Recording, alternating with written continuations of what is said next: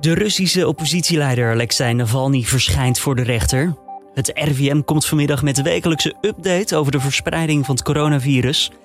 En premier Mark Rutte en coronaminister Hugo de Jonge geven vandaag weer een persconferentie over de Nederlandse corona-aanpak. Punten op de agenda vanavond: de heropening van de scholen en kinderopvang, het voortbestaan van de avondklok en onze exit-strategie. Je zou dus zeggen veel versoepelingen, maar is dat wel verstandig? Dit wordt het nieuws. Dus we weten nog niet hoe, hoe erg het nog gaat worden. En, en, en om dan al met uh, versoepelingen uh, te komen, zoals, die dus, uh, zoals ik ze net heb opgenoemd, dat kan nog wel eens heel, heel tricky worden. Politiek verslaggever Avinash Biki blikt straks vooruit op de persconferentie. En zoals altijd nemen we de gelekte plannen onder de loep. Eerst eventjes kort het belangrijkste nieuws van nu. Mijn naam is Julian Dom en het is vandaag dinsdag 2 februari. Duizenden coronaprikken zijn dubbel geteld bij de nieuwe rekenmethode waar het ministerie van Volksgezondheid zondag mee kwam. De fout is inmiddels hersteld, waardoor het totale aantal nu staat op 343.881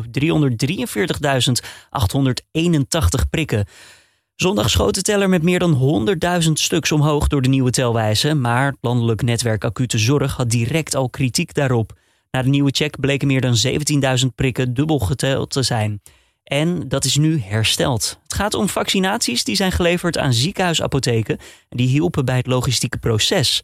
De prikken die dubbel zijn geteld zijn uiteindelijk in verpleeghuizen gezet, maar ook bij de ziekenhuizen meegeteld.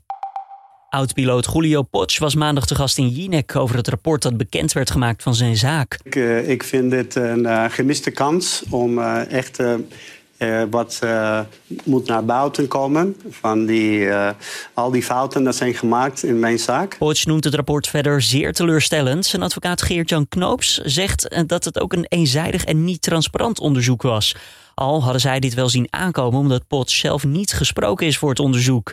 Potsch zegt toch te blijven vechten voor ja, een beetje gerechtigheid in zijn geschil met de Nederlandse overheid. Ook is hij ondanks alles wel gewoon trots om Nederlands staatsburger te zijn. Het College voor Rechten van de Mens heeft tot nu toe 35 meldingen van discriminatie door de Belastingdienst ontvangen. Na het vernietigende toeslagenrapport werd de hulp ingeroepen van het college. Zo'n 11 mensen hebben gevraagd om een oordeel in hun zaak. Bij zo'n verzoek wordt de zaak behandeld in een openbare zitting en oordeelt het college of er sprake is geweest van discriminatie. Duidelijk is in ieder geval dat de Belastingdienst niet alleen veel te ver ging in de jacht op fraudeurs, ook kregen sommige gedupeerde ouders te maken met discriminerende opmerkingen van ambtenaren. Sommige delen van Parijs dreigen onder water te komen door een extreme waterstand van de Seine. Het peil staat momenteel op 4 meter door de vele neerslag in de stad en omliggende gebieden. Verwacht wordt dat het waterpeil ook de komende dagen nog verder zal stijgen. Bewoners wordt opgeroepen voorzichtig te zijn omdat die stijging onverwacht snel kan gebeuren. De afgelopen jaren had Parijs vaker te maken met wateroverlast. In 2016 steeg het waterpeil bijvoorbeeld tot 6,10 meter en in 2018 nog tot 5,8 meter. Zo'n 1500 mensen werden toen geëvacueerd. Ruimtebedrijf SpaceX wil dit jaar nog vier toeristen in een baan rond de aarde sturen. Het moet de eerste volledig civiele ruimtemissie ooit worden. Met het avontuur moeten fondsen opgehaald worden voor een kinderziekenhuis in de Amerikaanse stad Memphis. De vier beschikbare stoelen worden daarom allemaal verkocht. De toeristen zullen daarvoor ook allemaal een professionele vlieg- en ruimtetraining krijgen. De Koreaanse popster Sowon heeft excuses gemaakt nadat zij foto's online had geplaatst waarop zij poseerde met een mannequin verkleed als een nazi-soldaat. Sowon, die deel uitmaakt van de popgroep G-Friend, luister maar even.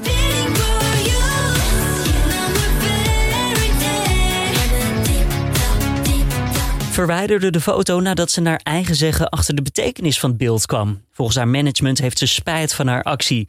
Na publicatie van de foto kreeg de popster veel kritiek te voortduren, al waren er ook fans die haar verdedigden. Ja, ze was onzorgvuldig, maar een verontschuldiging en het niet herhalen van haar actie moet voldoende zijn, schrijft een fan op Twitter. Dan ons gesprek van deze dinsdagochtend.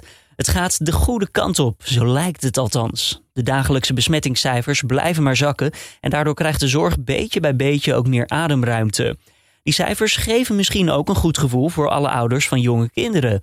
Thuisonderwijs hakte er bij sommigen stevig in en daarom is het ook geweldig nieuws voor hen dat basisscholen en de opvang weer de deuren openen op 8 februari. Dat zal een van de onderwerpen zijn die premier Rutte vanavond met minister Hugo de Jonge behandelen in de persconferentie. Maar ook de toekomst van de avondklok, het deels openen van de winkels en de verdere exit-strategie komen aan bod. Collega Corné van der Brink sprak met politiek verslaggever Avinash Biki en vroeg hem hoe de corona-aanpak er momenteel uitziet van het demissionair kabinet. Nou, ik denk dat het kabinet, uh, het demissionair kabinet, uh, ik ga het nu voor de eerste keer zeggen en dan uh, spreken we, zullen we afspreken dat we dan gewoon over het kabinet hebben? Ja, zeker. Um, ja, het kabinet staat op een heel belangrijk punt. Er zijn verscherpingen aangekondigd, hè, twee weken geleden, een, een gehele lockdown. daarbovenop nog een avondklok. De scholen gingen dicht vanwege de mutatie vanuit Brit Groot-Brittannië. En um, ja, nu zijpelt het toch door. Enerzijds dat er uh, lichte versoepelingen aankomen. En anderzijds tegen, ja, ik moet eigenlijk ook wel zeggen, met heel veel bezwaren vanuit het OMT gaan toch de basisscholen weer open. En um, nou ja, weet je, we zitten ook een paar weken voor de verkiezingen. Um, dus ja, het wordt ook een beetje. Ja, je begint je ook een beetje af te vragen hè, van in hoeverre speelt dat nog een rol in, in, in de besluitvorming. Omdat ja, eh, de situatie zoals de, het OMT dat schetst in, in het advies, ja, dat is toch nog steeds heel zorgelijk. We zitten nog steeds op een ernstig niveau. Zij zien een, uh, een deel van, uh, van, van de OMT-leden zien versoepelingen eigenlijk helemaal niet zitten. En toch is dat uh, wat er dinsdag aangekondigd gaat worden. Maar ja, het gekke is, twee weken geleden kwamen ze nog met verscherpingen van de maatregelen. Um, en als je ziet wat ze vandaag gaan aankondigen, dat botst aardig met elkaar, hè? Ja, dan heel even kort opzommen natuurlijk. Eh, de, eh, de basisscholen en de kinderdagopvang die, eh, die worden weer geopend. Um, en dan uh, zou er ook nog sprake zijn van dat winkels in beperkte omvang open mogen gaan, hè, dus op afhaal. En um, ja, het, het, er toch ook echt op te lijken dat uh, het, uh, nou ja, mag ik het, het experiment met de avondklok, waarvan we de resultaten nog niet weten, hè, van ja, we kunnen nog niet meten wat het effect daarvan is geweest. Maar het lijkt er toch op dat het kabinet uh, daar alweer afscheid van gaat nemen. Ja, dus daar, daar staan we nu op dit moment. Dat zijn die verscherpingen van twee weken geleden. Je kan je ook wel afvragen van, en dat is ook wel wat OMT-leden uh, hebben gezegd, en dat staat ook in het advies van, ja, ze hadden eigenlijk liever gezien dat we nog een paar weken hadden volgehouden. Want laten we wel wezen, um, het besmettingsniveau uh, het aantal mensen dat positief getest wordt op het coronavirus is nog steeds heel ernstig. Hè? We zitten nog steeds in een heel ernstig niveau. Daar komt bovenop dat nu al blijkt dat de helft van, van het uh, uh, geteste aantal mensen het Britse coronavirus daarmee besmet is. Ja, dat, je weet ook dat is een besmettelijkere variant.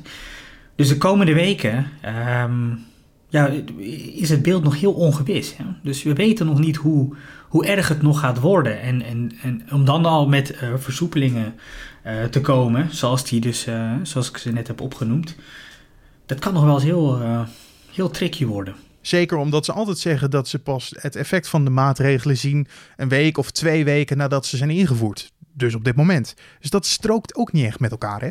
Ja, en, en wat misschien nog wel gekker is, is dat uh, de manier waarop deze, uh, ja, dit besluit eigenlijk tot stand is gekomen. Um, ik zal de mensen ook even meenemen. OMT zijn we allemaal wel bekend mee. Uh, nog niet zo lang geleden heeft de Volkskrant een goede reconstructie gemaakt van ja, toch wel de politieke druk die er wordt uitgeoefend op de deskundigen van het OMT. Um, toen hebben ze de structuur een klein beetje aangepast. En, en nu, nu, is het wel zo dat uh, de OMT-leden eerst het advies uitbrengen. Maar dat lijkt nu toch ook wel weer iets anders uh, gegaan te zijn geweest. En um, in het advies staat dan ook dat.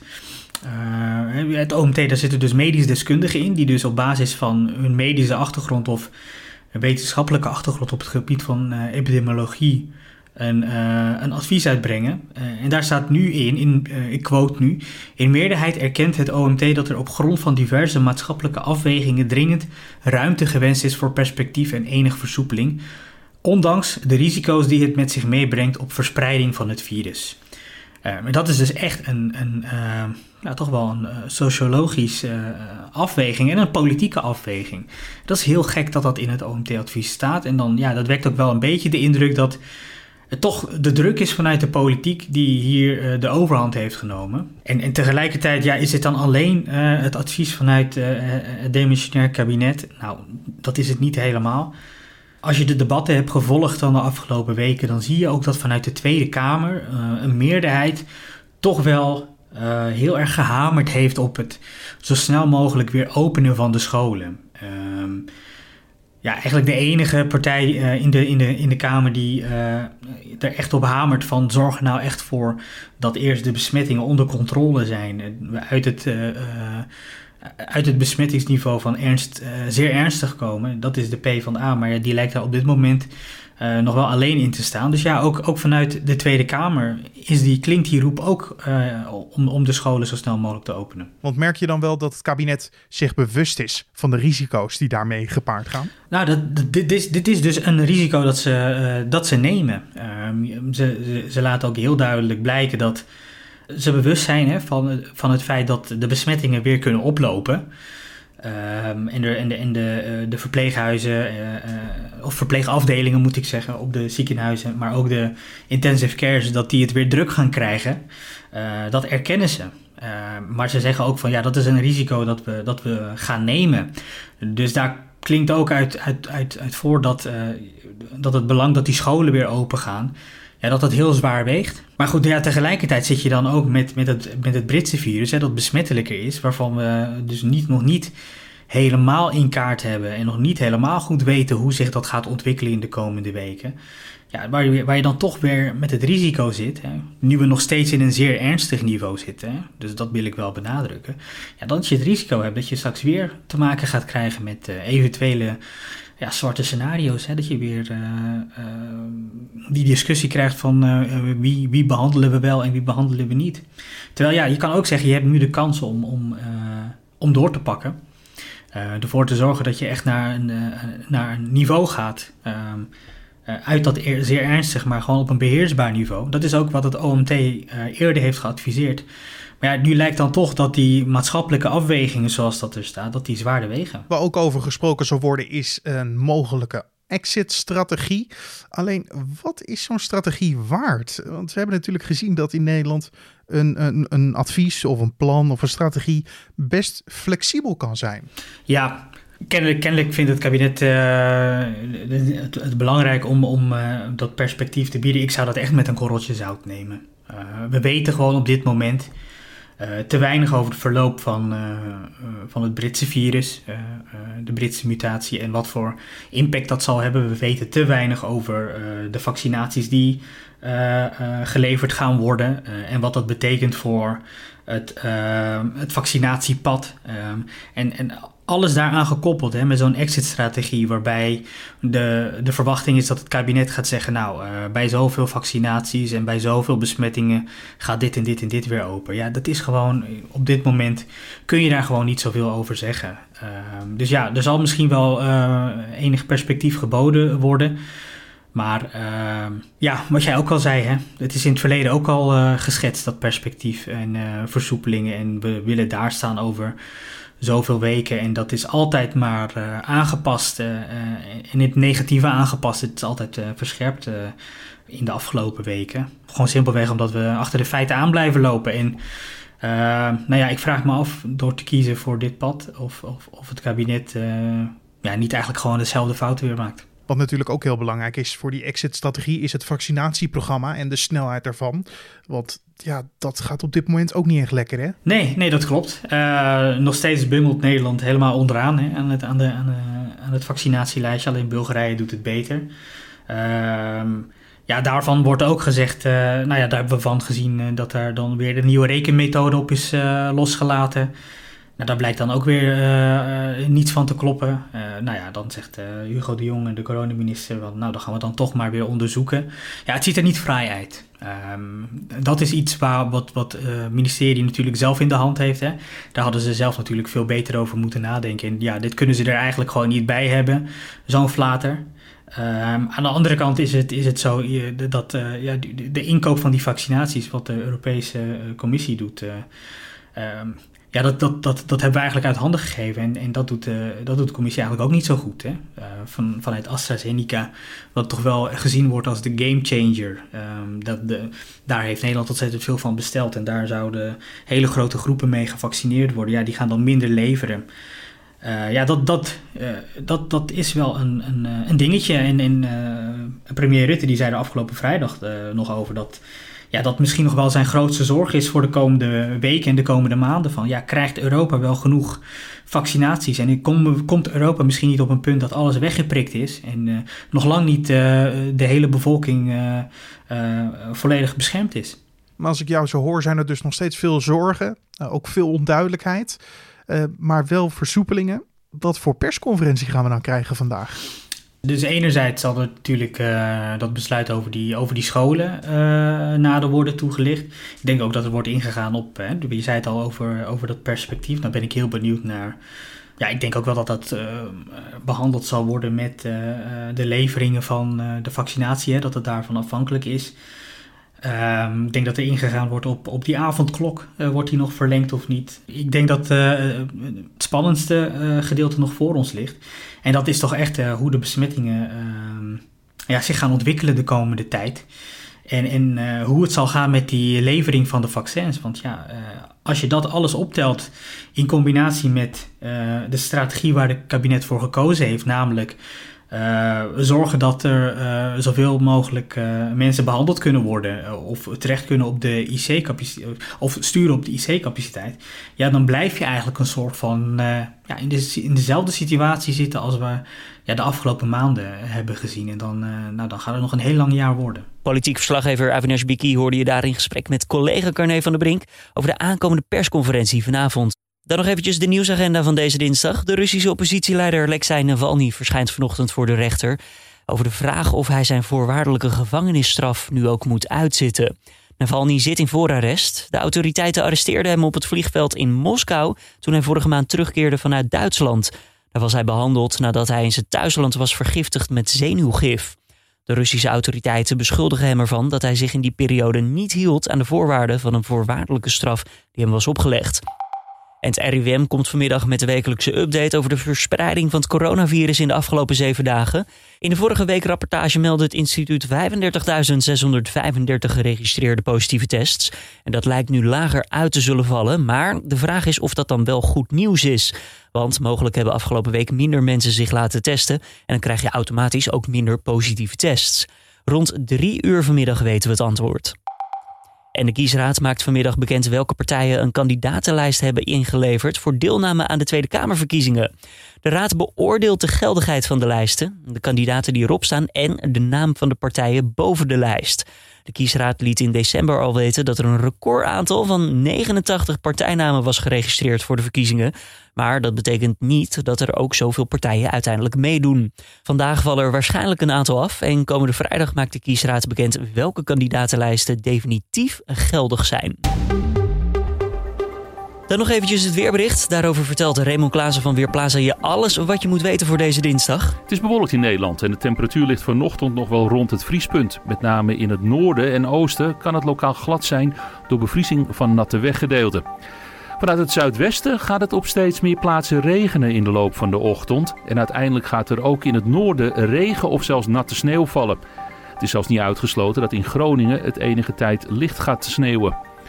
De temperatuur die gaat wel flink oplopen, met name in het zuiden van het land. De temperatuur ligt daar vanmiddag zo tussen de 9 en de 10 graden. In het noorden is het dan nog rond het vriespunt of er net iets boven. De wind waait vandaag uit zuidwestelijke richtingen en is overwegend matig. Dankjewel Raymond Klaassen van Weerplaza. En dit was dan de Dit Wordt Het Nieuws ochtendpodcast van deze dinsdag 2 februari. Tips of feedback, laat het ons weten. Zoals gezegd, deze week een nieuw format. Ochtends gewoon nog het bekende recept, een uitgebreid interview... en we praten hierbij over het nieuws dat is geweest en dat komt. Smiddags een kortere podcast met daarin het nieuws dat is geweest. Wat vind je ervan? Laat dat dus eventjes weten via podcast.nu.nl. Mijn naam is Julian Dom. Ik wens je voor nu in ieder geval een hele fijne en mooie dinsdag toe. En vanmiddag kan je dus luisteren naar mijn collega Carne van der Brink. Ik zeg tot de volgende en dit was hem dan voor nu.